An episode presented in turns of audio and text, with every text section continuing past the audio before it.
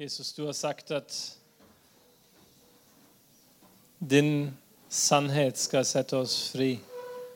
Og du ser at vi er i en, i en verden som er omringt med løgn og tankebygninger som står imot din frelse du har forberedt for oss på kors. Og jeg tror at i dag er en andre dag, en neste dag, hvor vi kan ta imot sannhet. Og jeg ber at de ord som kommer ut av Eskils munn, ikke bare god informasjon, men at det blir sannhet. Sannhet som skal sette oss fri. Jeg velsigner deg med autoritet, salvelse, i Jesu navn. Amen. Amen. Ja, så bra. Jeg hadde egentlig Egentlig har jeg planlagt å undervise om tilgivelse i dag. Det skal jeg gjøre, tror jeg. Skal jeg trekke litt nærmere mikrofonen, eller skal jeg trekke nærmere dere? Nærmere dere, faktisk. Må man tilpasse seg, skjønner du? Er det nærme nok? Ja. Jeg er egentlig glad for at du ikke sier 'Kan ikke du gå litt lenger unna, Eskil?' For da Så jeg hadde som sagt tenkt å undervise litt om tilgivelse i dag. Det tror jeg kanskje jeg skal gjøre. Men jeg har bare lyst til å dele litt om bare noen tanker jeg har gjort meg etter å ha vært her et par dager. Ehm, og i tillegg, og Da tar jeg utgangspunkt i et altså Jesus sa det. Matteus 13, 33, så sa, forteller han om en kvinne som tok en surdeig og så la inn i tre mål mel, slik at det helt til slutt var gjennomsyret. Eh, og surdeig det starter jo da i midten. Du putter sånn surdeig inn i melet. ikke sant? Og så sprer det seg sakte ut fra det til så blir hele deigen forandra. Det er bildet der. Og det tenker jeg er et bilde på det fellesskapet her. Ikke sant? Eh, at det starter som en liten surdeig her på gården. Og så vil det spre seg utover til hele deigen, hva nå det er. Hele området er forandra. Og det var noe som ble, Jeg hadde lyst til å bare dele det med dere. fordi jeg tenker at Dere er som en liten surdeig, og det kommer til å spre seg til Akkerhaugen, også til Midt-Telemark, også til resten av, utover i Telemark og utover. ikke sant? Det er prinsippet som ofte Guds rike vokser på. Sånn derre surdeigsprinsipp. Det var jo Guds rike som Jesus snakka om når han sa at Guds rike er som en kvinne sant? som la det sula inn i målet. Og etter at Jesus sto opp igjen fra de døde, og før han dro opp til himmelen, så sa han til disiplene sine at dere skal få kraft når Den hellige ånd kommer over dere. Og dere skal være mine vitner i Jerusalem, hele Judea, i Samaria og like til jordens ender. Og det eh, var jo eh, På en måte Hvis du leser apostlenes gjerninger, som er fortellingen om de første kristne, så er det nøyaktig det som skjer. Eh, først får de en Guds kraft kommer over dem i form av Den hellige ånd. Og så blir de vitner om Jesus. Først i Jerusalem, og så Judea Samaria, og så til jordens ender. Og Hvis du leser gjennom apostlenes gjerninger med det, det Dette verset jeg siterte nå, det er fra apostelgjerningene 1,8. Så ser du at når Lukas skal fortelle historien, så gjør han det på samme måten. De første sju kapitlene handler nettopp om menigheten i Jerusalem. Hvordan den Guds ånd kraft kom over dem, og hvordan de bygde opp menigheten i Jerusalem. Så plutselig, i kapittel 8, så er det en endring. Da er det fokus på Judea og Samaria, altså områdene rundt Jerusalem. Og så Fra kapittel 8 til 12 så handler det om hvordan evangeliet sprer seg i Judea og Samaria. Og så, i kapittel 13 og resten av boka, så handler det om hvordan evangeliet sprer seg ut i mye mye større områder. Til jordens ender, i prinsippet. Ikke sant? Og fortsatt i dag så har vi ikke nådd til jordens ender. Eller nå har vel kanskje evangeliet nådd til alle jordens ender. Det er kristne menigheter i nest, jeg tror kanskje i alle folkeslag. I hvert fall nesten alle folkeslag nå. Men det startet her med en liten gruppe mennesker i Jerusalem som fikk oppleve Guds kraft. Og så brukte de tid på å bygge menigheten i Jerusalem. Og så etter hvert så leser vi i apostelgjerningen at det begynte å komme folk fra stedene rundt. Eh, apostelgjerningen 5 så står det det kom også mye folk fra byene rundt Jerusalem. Så det, et eller annet som skjedde i Jerusalem, som gjorde at folk begynte å komme.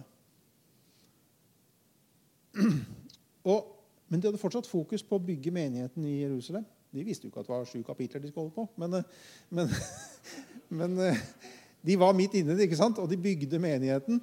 Og de var midt inne i det, og så begynte det å dukke opp folk fra andre steder. Og en dag da, så ble disiplene spredd rundt i Judea og Samaria. Og Det resulterte i at det ble mange menigheter i de områdene. Det har vært én menighet i Jerusalem.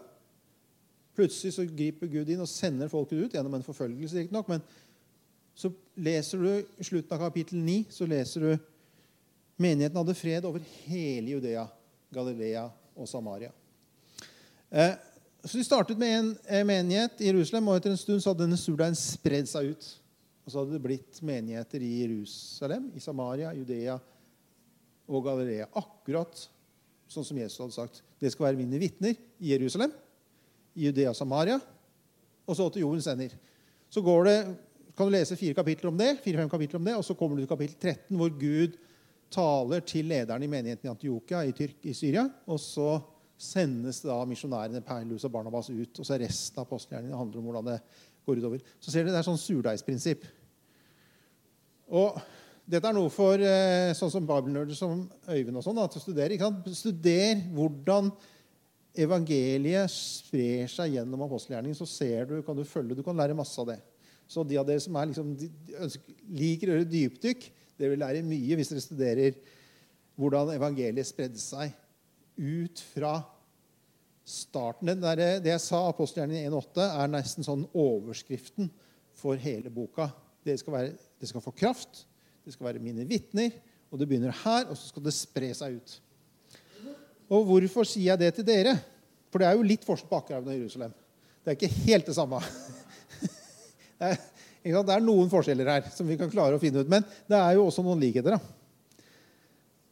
For det første det at Guds kraft er her. Guds nærvær er her. Dere erfarer noe av Guds nærvær. Ikke sant?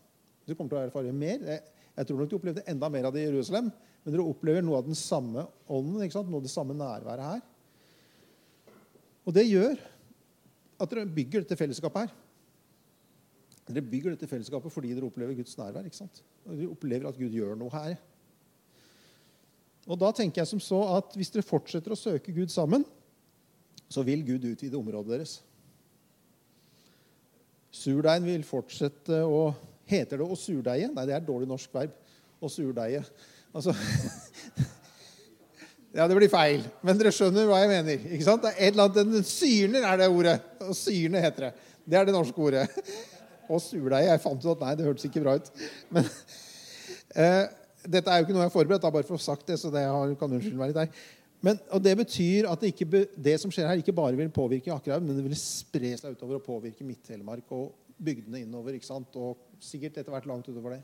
For Det er det prinsippet jeg leser i apostelgjerningene, og det er det surdeigsprinsippet som Jesus snakker om. Så hvorfor sier jeg det? Jo, fordi jeg tenker at uh, ting vil endre seg for dere. Jeg vet ikke hvordan ting vil endre seg, men jeg vet at det vil forandre seg. Ikke sant? Og det er mange av oss som ikke liker forandring. da. Noen av oss elsker det, men mange mennesker liker ikke forandring. Og jeg tror kanskje, jeg er veldig slem hvis jeg sier at jeg tror det kanskje gjelder særlig menigheter. Det er utrolig mange menigheter som ikke ønsker forandring. er det ikke det, da? Det er et eller annet i oss. ikke sant? Sånn, er, de sier jo det at det aller siste en døende menighet sier, vet dere hva det er? Sånn har vi aldri gjort det før. Ikke sant? Det er liksom Fordi vi ønsker ikke å forandre oss. ikke sant? Så vi er litt sånn motstandere av forandring. Og det er litt skummelt. Um, men for å være helt ærlig, da, så jeg er mye mer redd for en menighet som ikke forandrer seg, enn for en menighet som forandrer seg. Jeg syns det høres mye mer skummelt ut. Så det betyr at så lenge dere fortsetter å søke Gud, så vil det skje forandring. Og jeg tror at en del av den forandringen vil være vekst. Det vil være større perspektiv. Det vil være flere folk. Og det høres jo ut som en god ting på avstand. Alle kristne ønsker vekst og vekkelse helt til det skjer. Men jeg snakket med deg, Vi jobber mye med noe som heter eh, Jesus Tricks i Tyskland. Vi snakket litt med, eh, med Rafael her før møtet. Og, og det startet i Hamburg for en 25 år siden, hvor Guds ånd falt over mennesker. Unge mennesker. Punkere, hardrockere. Og, og, vi kjenner jo de som starta det. Og, og Christian, en av lederne, som da var så vidt over 20, prøvde å ta med seg vennene sine inn i menigheten i Hamburg. Det var ingen som ville ha dem. De så jo ikke ut, ikke sant? De så jo ikke ut som den typiske gode kirkegjenger. Menighetene var livredde for dem. Sånn. Så det eneste de kunne gjøre, var å starte møter sjøl. Og de gutta var altså Mirko var 18, Martin var 23, Kristian var et par og 20. Og de startet møter, og i løpet av noen måneder så hadde 650 ungdommer kommet til Kristus. Det er ganske heftig. Men han sa menighetene var livredde for oss. Og så sier han i dag så ville 90% av menighetene tatt imot oss. For nå er vår uttrykksform litt rocka. ikke sant? Det er akseptert, men det var ikke akseptert da. Og så tenker jeg, Disse menighetene gikk jo glipp av en kjempevekkelse. Jeg er sikker på flere, verste, er, Kristian har et veldig godt forhold til de andre menighetene. Han er medlem i Vinjard nå. Men, så det er ikke Kristian som har sagt men jeg tenker, når jeg hører Kristian fortelle, så tenker jeg disse menighetene var sikkert flere som hadde bedt om vekkelse. De har sikkert bedt for ungdommene. De hatt bønnemøter om at Gud, send vekkelse til disse ungdommene. Og så faller Den hellige ånd, og hundrevis av dem blir frelst. Og så prøver de gutta som var kristne, Kristian og Martin og seg, prøver liksom ta med kompisene sine til menigheten. Så, så tar de omtrent fram hvitløken ikke sant? når de kommer. Og da tenker jeg Kjære Gud, altså. Jeg har ikke lyst til å være en sånn menighet. Jeg har ikke lyst til å gå glipp av det når Gud gjør det, selv om det er annerledes enn det jeg hadde forutsatt, enn det jeg hadde forventa. så derfor, og jeg, jeg, fortalte noen av dere denne historien fra min, eh, vår venn Hans, som er leder for Jesus Tricks i Tyskland. hele nå. Han har startet en menighet i Münster i Vest-Tyskland for noen år siden. Starta hjemme i stua med noen kompiser. Så ble de ti stykker. Og så bodde han på en liten leilighet, en liten hybel. Så det begynte å bli trangt. Så han fant ut nå må vi flytte til et større lokale. Og da var det sånn, Nei, det var jo så trivelig da, å være ti stykker. Nå var vi akkurat passe, liksom, og vi hadde så godt forhold. og Nei, dette hadde de ikke noe La oss bare få bli her. Men så sa nei, vi flytter ut. Leide seg inn på en liten kafé eller pub eller sånt, som var stengt på søndagene. Og så hadde de møter der. Så ble de 30 stykker. Og så ble det fullt igjen.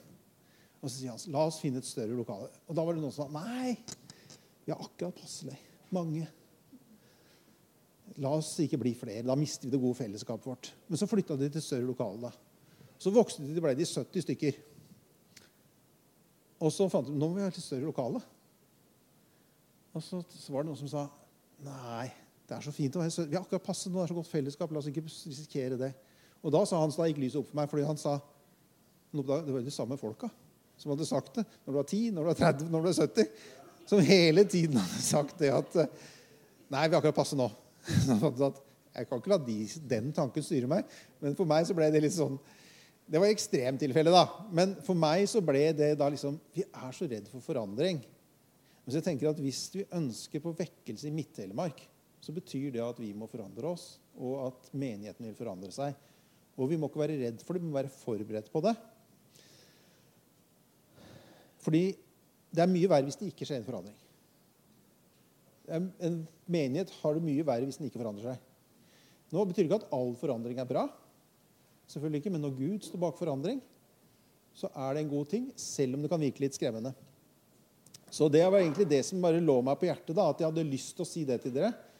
At Gud vil gjøre noe her. Han ønsker å gjøre noe her. Og det betyr at vi må forandre oss. Det betyr at ting vil bli forandra. Ikke sant? Jeg vet ikke hva, hvordan, jeg vet ikke timingen. Men jeg vet at hvis dere fortsetter å søke Gud, så er det et sånt surdeigprinsipp som er i ferd med å syne hele deigen, og den kommer til å gå utover denne gården her. altså dette fellesskapet som sitter her, og dere som pleier å møtes her. Det må det jo, hvis det er Guds rike som skjer. Så ikke vær redd for det, men sørg heller for å ta det imot med åpne armer og diskutere det. Er det dette rette type forandring? ikke sant? Vi ønsker ikke forandring for forandringens skyld. Så dere må være litt sånn søke sammen, snakke Gud sammen, snakke sammen, lese Guds ord sammen. Men Vær mer redd for at dere ikke forandrer dere, altså, enn at dere er for forandring. Så ja. Jeg syns den historien med Hans er så utrolig beskrivende. da. Fordi liksom det, er så, det er så oss. Kan jeg få lov til å si en ting til, eller? Ja, bare stille den der. Og det, det var egentlig det som jeg, det var en sånn oppsummering av det, noen refleksjoner jeg har gjort meg etter helga. så skal jeg dele det jeg hadde tenkt å dele. Er det greit? Orker dere mer? Yes. Her kan jeg ikke gjøre sånn, her, nei. Så få større skrift. Så da hadde jeg Jeg må ha litt lys jeg, så går saken. Jeg må ha litt Der har jeg lys over ordet. Eh, det jeg hadde tenkt å si noe om, er tilgivelse. Dette er sånn grunnleggende ABC for kristendom. Grunnen til at jeg underviser det, er at jeg tenker For det første vil dere få inn nyfrelste. Mennesker som kommer til tro. Og da må dere kunne sette ord på de grunnleggende tingene i kristendommen. Det er det ene. Og for det andre så trenger vi å bli minna på det sjøl. Okay? Så derfor skal jeg nå gjøre en veldig enkel bibelundervisning om tilgivelse, som du sikkert har hørt mange ganger før, men som jeg tror kanskje du kan ha glede av likevel. I Fader vår så sier vi 'tilgi oss all vår skyld, slik vi også tilgir våre skyldnere'. Og skyld trenger ikke å være bevisst. Det er ikke det at jeg mente å gjøre noe vondt, men det var at jeg gjorde noe som fikk et dårlig utfall. Ikke sant? Hvis jeg, hvis jeg lover André å kjøpe melk på vei hjem, så glemmer jeg det. Da er det min skyld at vi ikke har melk i kjøleskapet. Det var ikke fordi jeg ønska å være slem. Det var ikke ønsk, Unna ikke kona mi å ha melk. Jeg bare glemte det. Ikke sant? Så, men jeg er likevel skyld i det. Så når vi ber om tilgivelse, så dekker det både det vi gjorde med vilje, og det som vi skjedde ved et uhell. Forglemmelse, overseelse. Det var ikke det vi tenkte. Men uansett hva det er, så ber vi om tilgivelse, og så tilgir vi andre. Eh, og hvorfor det, liksom? Hvorfor skal vi be Gud om tilgivelse? Hvorfor skal vi be Fader vår, da? Eller den bønnen i Fader vår? Nå tenker jeg at Det er mange grunner til det, men en av dem er jo rett og slett at vi lærer oss å ta ansvar. Ikke sant? Fordi det er veldig mange som sier at 'dette var ikke min skyld'. Det er, det er jo, altså Jeg tror vi alle kjenner oss igjen i det. Det er av og til litt vrient å ta på seg skylda, er ikke det? For ting som går gærent. Men jeg tror det er noe som er veldig fint å lære seg. Ikke at det er noen som tar på seg all skyld. Det er feil. Så er det noen som ikke tar på seg noen skyld. Det er alltid noen andres feil. Men jeg tror at det, en av de grunnleggende tingene vi lærer ved å be om tilgivelse til Gud, men også selvfølgelig til mennesker, er å ta ansvar for våre egne handlinger. Og det er en sånn grunnleggende kristen ja, Det er de mest grunnleggende kristne tingene. Ta ansvar for mine handlinger. Ikke sant? Det er så lett å ikke ta ansvar for det jeg har gjort, eller det jeg ikke har gjort. Og det her er jo da som sagt selv, nærmest evangeliets ABC, er det ikke det? Eh, at vi um, Vi har gjort feil, men vi kan gå til Gud, og så får vi be om tilgivelse, og så får vi tilgivelse. Det er liksom, det er nærmest, ja, det er helt ABC-en i kristendommen. Men det jeg har tenkt å si litt om, da, det er at vi begrenser ofte tilgivelsen til det.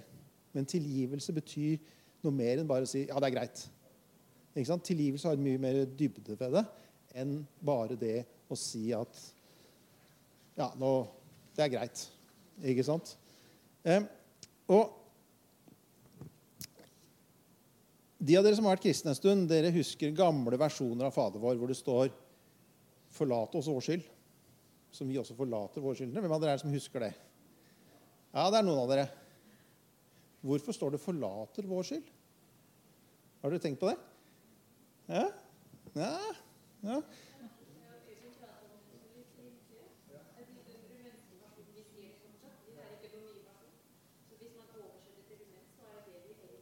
Forlater? Ja, ok. Skal vi forlate, altså Det står som 'vi forlater våre skyldnere'. Det betyr at hvis Rafael gjør noe gærent på meg, så skal jeg dra fra han. to leave. To leave. uh,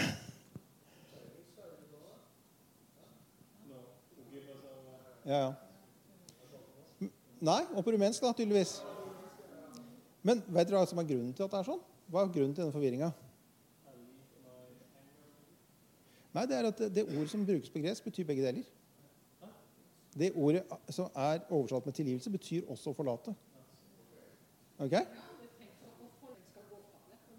Men du, hvis du bruker 'forlate' noe, så du kan forlate et sted, kan du ikke det? Å nei, du har aldri kobla det. Det er det du mener. Ok, ja, nei, det skjønner jeg. Ja, riktig, men, men når du skal forlate de som har gjort noe vondt mot oss, da, betyr det at vi skal gå vår vei? da? nei, det er det vi ikke gjør. Ok. La oss lese et annet sted. Da. Bare, nå, jeg lager mer kaos enn jeg rydder opp, tror jeg. Jeg er redd for det. Men, men la oss bare lese et annet sted. Eh, dette er i Matteus 4, 18-20. Og det er en veldig kjent historie, da. Eh, det er når Jesus kommer og kaller de første disiplene sine. Og der står det En gang Jesus gikk eh, langs Galileasjøen, fikk han se to brødre. Simon, som kalles Peter, og hans bror Andreas. De var i ferd med å kaste not i sjøen, for de var fiskere. Han sa til dem, 'Kom og følg meg, så vil jeg gjøre dere til menneskefiskere.' Straks lot de garnene ligge og fulgte ham. Det å la garnen ligge er nøyaktig samme ordet på gresk. Men det kan jo ikke bety tilgi. Straks tilga dem garna, fiskegarnene, og fulgte Jesus. Nei, det er ikke det det betyr. Det betyr at de lot dem ligge, og så gikk de et annet sted.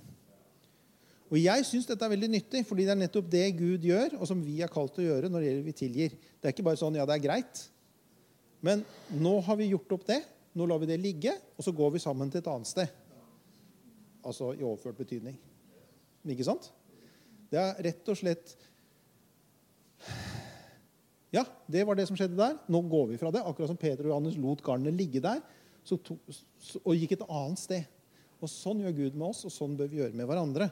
Det er så lett for oss å holde ting opp mot hverandre. Jeg håper dere har lært at dere ikke skal gjøre det, men fristelsen kan være der. ikke sant? Ja, men du gjorde jo sånn, eller han sa jo sånn, eller Ikke sant? Men i dette med å forlate våre synder og tilgi, det er altså to sider av samme sak. Jeg tilgir, sier ja, det er greit, jeg tilgir deg, og så går vi et annet sted sammen. Um, ja. Nei. Ja, det er riktig. Selv ordet for omvendelse på, på, på, gresk betyr både å endre tankene og endre retning du går i. Mm. Det er riktig. Så det er mange sånne ord som gjør det. Og det er derfor jeg har lyst til å bare, jeg tenkte Nå skal jeg bare undervise litt om, om Guds ord. Og dette er også en, Begge de to betydningene ligger i ordet tilgivelse, og det gjør at det blir litt uoversiktlig. Eller du må jo velge, da, hvis du skal oversette til norsk eller tydeligvis til rumensk, så må du velge skal jeg bruke 'tilgi' eller skal jeg bruke 'forlate' i dette tilfellet. Hver gang en bibeloversetter sitter og har dette ordet, så må han bestemme seg for skal jeg bruke 'forlate' eller skal jeg bruke 'tilgi'. For det er det samme på Ja. Og det er derfor jeg tar det opp nå. For du må jo velge en av dem. Du kan jo ikke både skrive 'tilgi' skråstrek 'forlate', for da blir det helt umulig å lese teksten. Ikke sant? Ja, Amplified Bibel. Ja. Mm. Mm. Ja, ja. ja, ja. Mm. mm. Ja, men Det er jeg enig i. Altså, og det er derfor vi trenger å gjøre sånne ting. Men vi kan ikke ha det i en tekst. Altså, jeg skjønner at Amplified Bibel, som har mange alternative oversettelser, men hvis du skal lese en bibeltekst, da, en bibelfortelling, liksom, så må vi velge et ord. Ikke sant? For Ellers så flyter jo ikke teksten i det hele tatt. Fordi bibeltekster har jo mer enn bare ordene. Det er en total fortelling. Det flyter på en måte.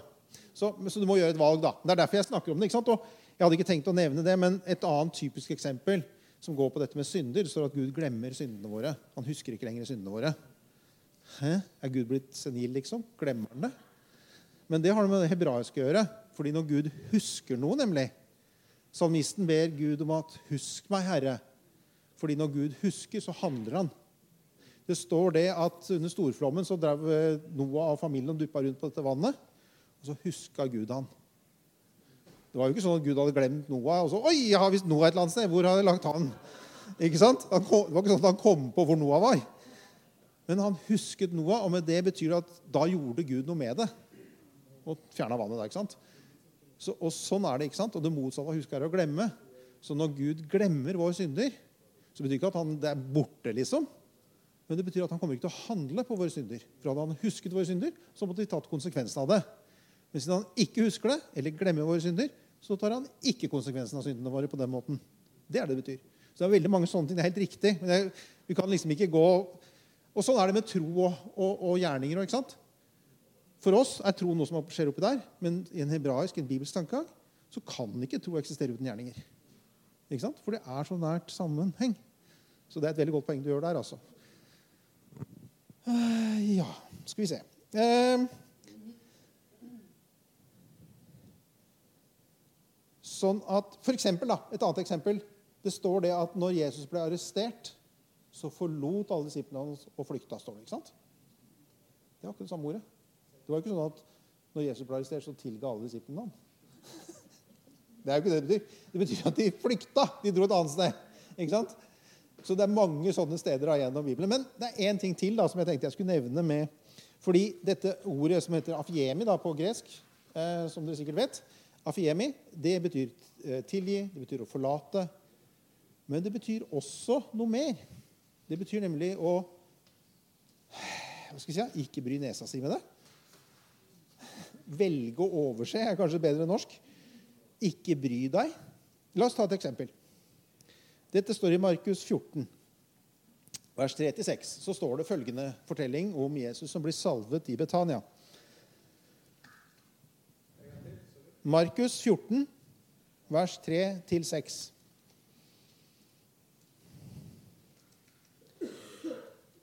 Jesus eh, var i Betania hos Simon den spedalske. Mens de lå til bords, kom det en kvinne med en albastkrukke med ekte og kostbar nardussalve. Hun brøt krukken og helte salven utover hodet hans. Noen som var der, sa forarget til hverandre. Hva skal denne sløsingen med salve være godt for? Salven kunne vært solgt for mer enn 300 denarer og pengene gitt til de fattige. Og de snakket strengt til henne. Men Jesus sa, 'La henne være.' Hvorfor plager dere henne? Hun har gjort en god gjerning mot meg. Og dette ordet 'la henne være' er nøyaktig det samme tilgi henne. Afiemi på gresk. Og Det er jo ikke sånn at han sier 'tilgi henne fordi hun har gjort noe godt mot meg'. Men det er sånn La henne være i fred. Ikke bry henne. Dette er ikke deres sak. Ikke sant? Det er det Jesus sier. Ikke bry dere med det, betyr det rett og slett. Og det er også noe sier meg noe om hvordan, Jesus, hvordan Gud tilgir oss. ikke sant? Det er ikke bare sånn at akkurat så vidt klarer å tilgi meg. Men han sier nå bryr jeg meg ikke om det lenger. Det er, la det ligge, liksom. Don't care. It's none of my business anymore. Ja. Et retorisk spørsmål. Er det bedre å putte nesa i andre folks saker enn å putte andre folks saker i nesa?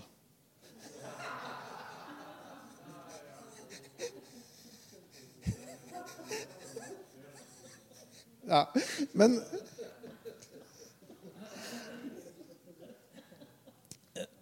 Så det her er altså putt ikke nesa di i de saker du ikke har noe med å gjøre. Det er det Jesus sier til de folka. ikke sant? Og det liker jeg litt, den betydninga der. altså. Fordi det sier noe, det er en sånn radikal tilgivelse i det. ikke sant? Jeg går et annet sted. Ikke bry dere med det. Klapp igjen, på en måte. Det er, det er nesten det Jesus sier. ikke sant? Han sier det på en litt hyggeligere måte, men det er jo klapp igjen. Jeg vil ikke høre på det engang. Hvorfor er det sånn mot henne? Det er jo ikke deres sak. Og så radikal er Guds tilgivelse mot oss. Og så radikal bør vår tilgivelse være overfor hverandre. Så dette ordet afiemi betyr altså flere ting. Det betyr å tilgi, det betyr å forlate noe på et annet sted, og det betyr å ikke lenger bry seg, la noe ligge i fred. Alle de tre tingene eh, betyr det. Det betyr også faktisk en fjerde ting. Det er litt annerledes, og det betyr at du tillater noe. Men, men det skal jeg ikke gå på. Så når vi da leser, eller hører Fader vår og tilgis vår skyld slik også vi tilgir våre skyldnere, så innebærer det en radikal holdning til hvordan vi skal møte andre mennesker. gjør det ikke? Hvordan vi kan tilgi dem, selvfølgelig. Mentalt. Det er jo viktig at vi har det mentalt òg, men det er ikke nok, som du sier. Ikke sant? Det, det starter jo med en tanke. Jo, en bestemmelse som starter inn i hodet ditt. ikke sant? Og så lar du det ligge.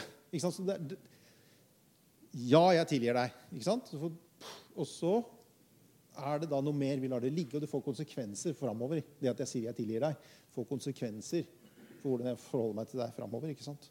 Det er det som er det radikale her. Og så jeg tenkte at nå kunne vi gjøre et lite, kort ordstudio. Um, bare for å presisere det, da. Det er jo selvfølgelig noen som Det står at vi skal Jeg tror Gud vil at vi skal ta på oss vår skyld. Så er det noen da som går alt langt og tar på alle andres skyld ikke sant? og tar skylda for alt. Det er ikke meninga her. Men vi kan ta et ansvar for våre egne ting. Og så er det den radikale tilgivelsen. Og jeg tenker at Hvis vi blir da et mennesker som både får tilgivelse og gir tilgivelse på denne radikale måten, da blir vi veldig sunne mennesker. Og da blir vi veldig sunne fellesskap.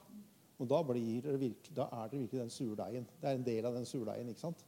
som sprer seg utover. Og det her er jo radikalt. Hvis, det, vi kan bygge, hvis vi tillater Gud å bygge oss til et folk da i Midt-Telemark eller i området her, som lever dette ut, da tenker jeg det her er jo fantastisk gode nyheter til området. Det må jo være det. Og selvfølgelig alle andre ting da, som Gud vil at vi skal leve i. Så det var egentlig det jeg hadde tenkt å dele med dere. Håper det var meningsfylt, og at vi skal, Ja, det var veldig spennende det med Jeg tenk, lurte om jeg skulle gå inn på dette med hebraiske tankegang, men jeg fant ut at nei, jeg gjør ikke det akkurat nå. Men det er en, en sånn helhetlig ting. ikke sant? Hvor, hvor, ting ikke bare handler om tankene våre. Det handler om tankene våre også. Starter ofte i tankene våre, men så får det da en konsekvens som er mye mer praktisk og konkret. da. Og det, ja. Ved at du tilgir, at vi, når vi tilgir, så blir jo vi satt fri. Ikke sant? Det er jo det at om, ingen, om alle andre er ufattelig slemme mot oss Hvis jeg tilgir, så blir jeg satt fri. Men hvis jeg ikke tilgir, så blir jo jeg ikke satt fri. Så det, så det er jo en selv... Det er virkelig noe, det er en kraft da, i den der beslutningen du tar. og bare, eh, skal, nå har jeg holdt på lenge, men jeg skal bare slutte av med akkurat det. fordi det du minner meg om en annen ting, det du snakker om det greske og det hebraiske. og jeg tenker at Det mest grunnleggende er vår måte å lære på. Vi er oppvokst i kall den europeisk, da, fordi gresk var litt spes... Det kunne vært så mye. Men, men fordi Nytelsesmøtet er skrevet på gresk av folk som snakker gresk. Så, men vår måte, vestlig måte er Skole handler om å lage informasjon der. Mens den jødiske måten det var jo en rabbi var 'bli med meg og lær av hvordan jeg lever'. Hva jeg sier, men også hvordan jeg lever. Mens den klassiske greske skal vi kalle det, altså de klassiske greske filosofene de så jo ned på fysisk arbeid. Fysisk arbeid var jo det som var for slaver. Ikke sant? Og de, de skulle bare jobbe i hodet med retorikk og filosofi. Og det har vi tatt med oss ikke sant? på en eh, måte som gjør at vi tror at det, disippeltrening er veldig ofte å gå på en bibelskole og høre gode taler. Eller mindre gode taler. Men det handler om å høre taler. Mens disippeltrening i det bibelske betydninga er jo bli med og del livet med meg. Det er veldig radikalt, men det er jo det det er. ikke sant? Når vi deler livet, da kommer det ting opp da, ikke sant? som vi kan få jobba med, som ikke bare går på hva jeg tenker, men hvordan jeg handler og hvordan jeg er. Og Det er jo en veldig stor forskjell, men det, det er et tema en annen dag. Hvordan den jødiske disippeltreninga med rabbier var på en helt annen måte fokusert på levd liv. I tillegg selvfølgelig minner meg det du sier nå bare si det, Jeg er så glad i å prate. vet du. Så, eh, C.S. Lewis, som eh, mange har kanskje lest navnet i bøkene, sånn, han skriver i en av de andre bøkene at alle mennesker syns at tilgivelse er et godt konsept helt til de får noe å tilgi en annen for. Da er det ikke så godt konsept lenger. Ikke sant? Og det er veldig sant. Ikke sant? Og, og, det er jo når vi lever tett på hverandre, det er da det kommer opp dette at da får jeg plutselig noe å tilgi deg for. Ikke sant?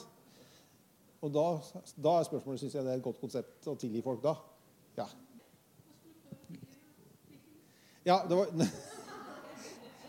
Nå var det ikke akkurat en tilgivelse han brukte surdeig. Det var om Guds rike. Men uh, men det, altså, det er jo med gjær, da. Det er tilsvarende vår gjærbakst. Så jeg liker boller, jeg, altså. Så jeg vil heller ha boller enn ja. Ja, ja. Ja, og vi lar den få de vekstforholdene som trengs.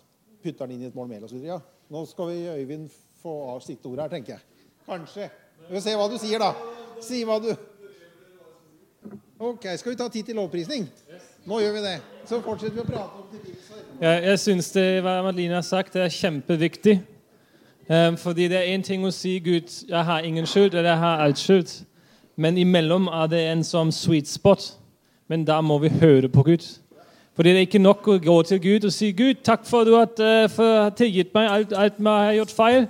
Takk for det, og da går vi videre.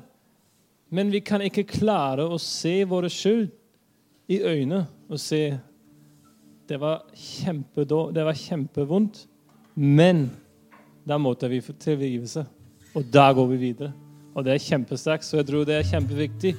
Imellom de to jeg tar all min skyld, eller jeg tar ingen skyld, er det en sweet spot hvor jeg søker Gud og sier Gud, vise meg hvor jeg må opprette noen ting, hvor jeg må ta imot tilgivelse, og hvor jeg kan gå videre i tilgivelse. Og det er akkurat da hvor vi hører den røst av Den hellige ånd snakker til oss.